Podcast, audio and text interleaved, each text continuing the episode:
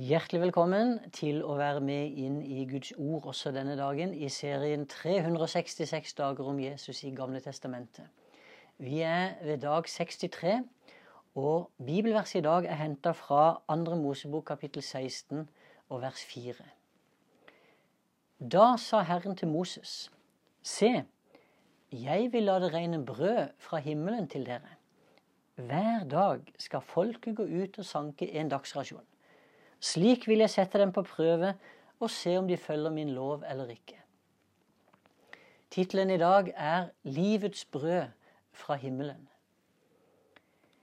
Et av de store tegnene som Jesus gjorde da han var her på jorda, så å si ut av ingenting, det sørga for at en stor folkemengde fikk mat. Med bare fem brød og to fisker så metta Jesus 5000 menn foruten kvinner og barn. Og Det er ingen overdrivelse å si at det i alle fall var 20 000 mennesker til stede den dagen og spiste. De som opplevde dette, de var jo henrykt. Og de kobla automatisk denne hendelsen til det store underet som Guds folk erfarte i ørkenen.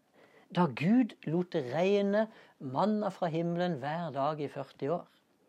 De så brødunderet som et tegn på at Jesus var den Messias som Gud skulle sende.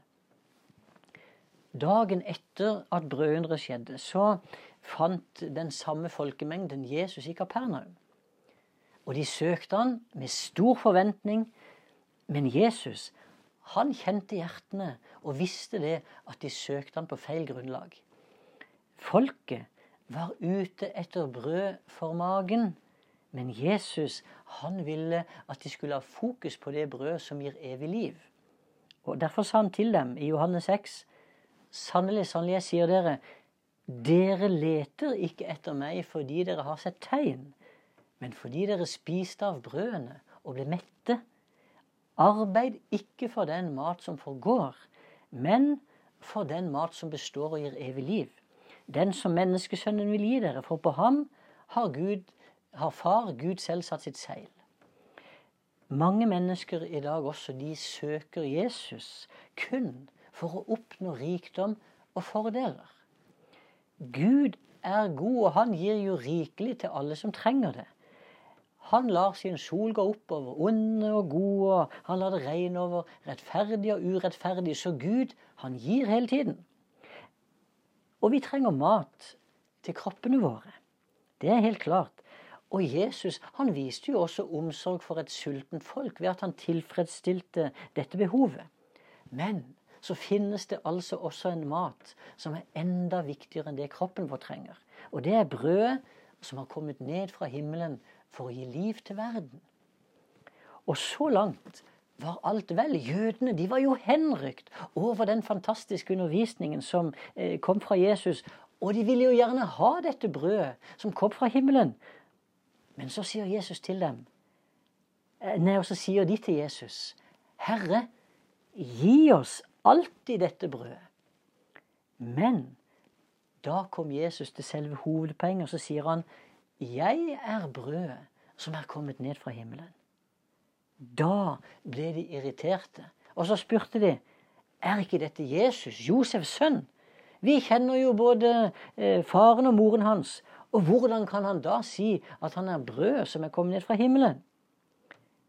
Og det endte med at de som hørte på Jesus, gikk bort. Til og med mange av disiplene, står det, gikk bort. Tenk om en predikant hadde opplevd dette i dag.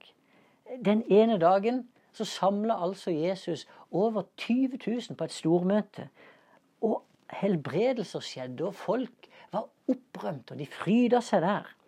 Og de ville til og med, står det i Johannes 6, gjøre Jesus til konge. Neste dag så talte altså Jesus på en sånn måte at alle forlot ham. Til slutt så satt han bare igjen med de tolv nærmeste disiplene. Hva ville Eldsterådet ha sagt til en sånn pastor? Folkemengden forlot Jesus da han ble for radikal. I tillegg til at de reagerte på at Jesus han var kommet ned fra himmelen, så ble de også opprørt fordi de skjønte at han, at, at brødet som kom ned fra himmelen, var det eneste som kunne gi liv og redning til verden. For Jesus sa til dem, sannelig jeg sier dere, hvis dere ikke spiser menneskesønnens kropp og drikker hans blod, har dere ikke liv i dere. Men den som spiser min kropp og drikker mitt blod, har evig liv, og jeg skal reise han opp på den siste dag. Livets brød, som har kommet ned fra himmelen, er vår eneste mulighet. Enhver som tar imot dette brødet, skal få evig liv og bli frelst. Mens enhver som forkaster det brød som er Jesus, vil gå fortapt.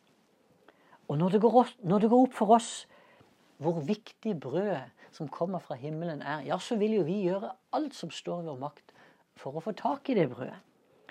Om alle andre svikter, så vil vi fortsatt være hos Jesus. Og da Jesus satt igjen alene med, med de tolv nærmeste disiplene, og, så, og spurte de vil også dere gå bort. Det er da Peter han svarer på vegne av alle oss som vil høre til hos Jesus, når han sier, 'Herre, hvem skal vi gå til?' Du har det evige livs ord, og vi tror og vet at du er Guds hellige. Ja, Jesus, vi må si som Peter, hvem skal vi gå til? Bare du er Herren. Bare du er det brødet som gir liv til verden. Og vi takker deg, Jesus, for at vi har fått smake dette brødet gjennom ditt blod, gjennom din kropp. Takk for at du ga deg selv for oss. Og vi priser deg, Jesus, for at du styrker oss også inn i denne dagen. Sånn at vi bare skal kjenne hvor godt og forfriskende og styrkende det er når vi spiser det brødet som du gir oss. Herre, vi tar imot med takk og glede i ditt hellige navn. Amen.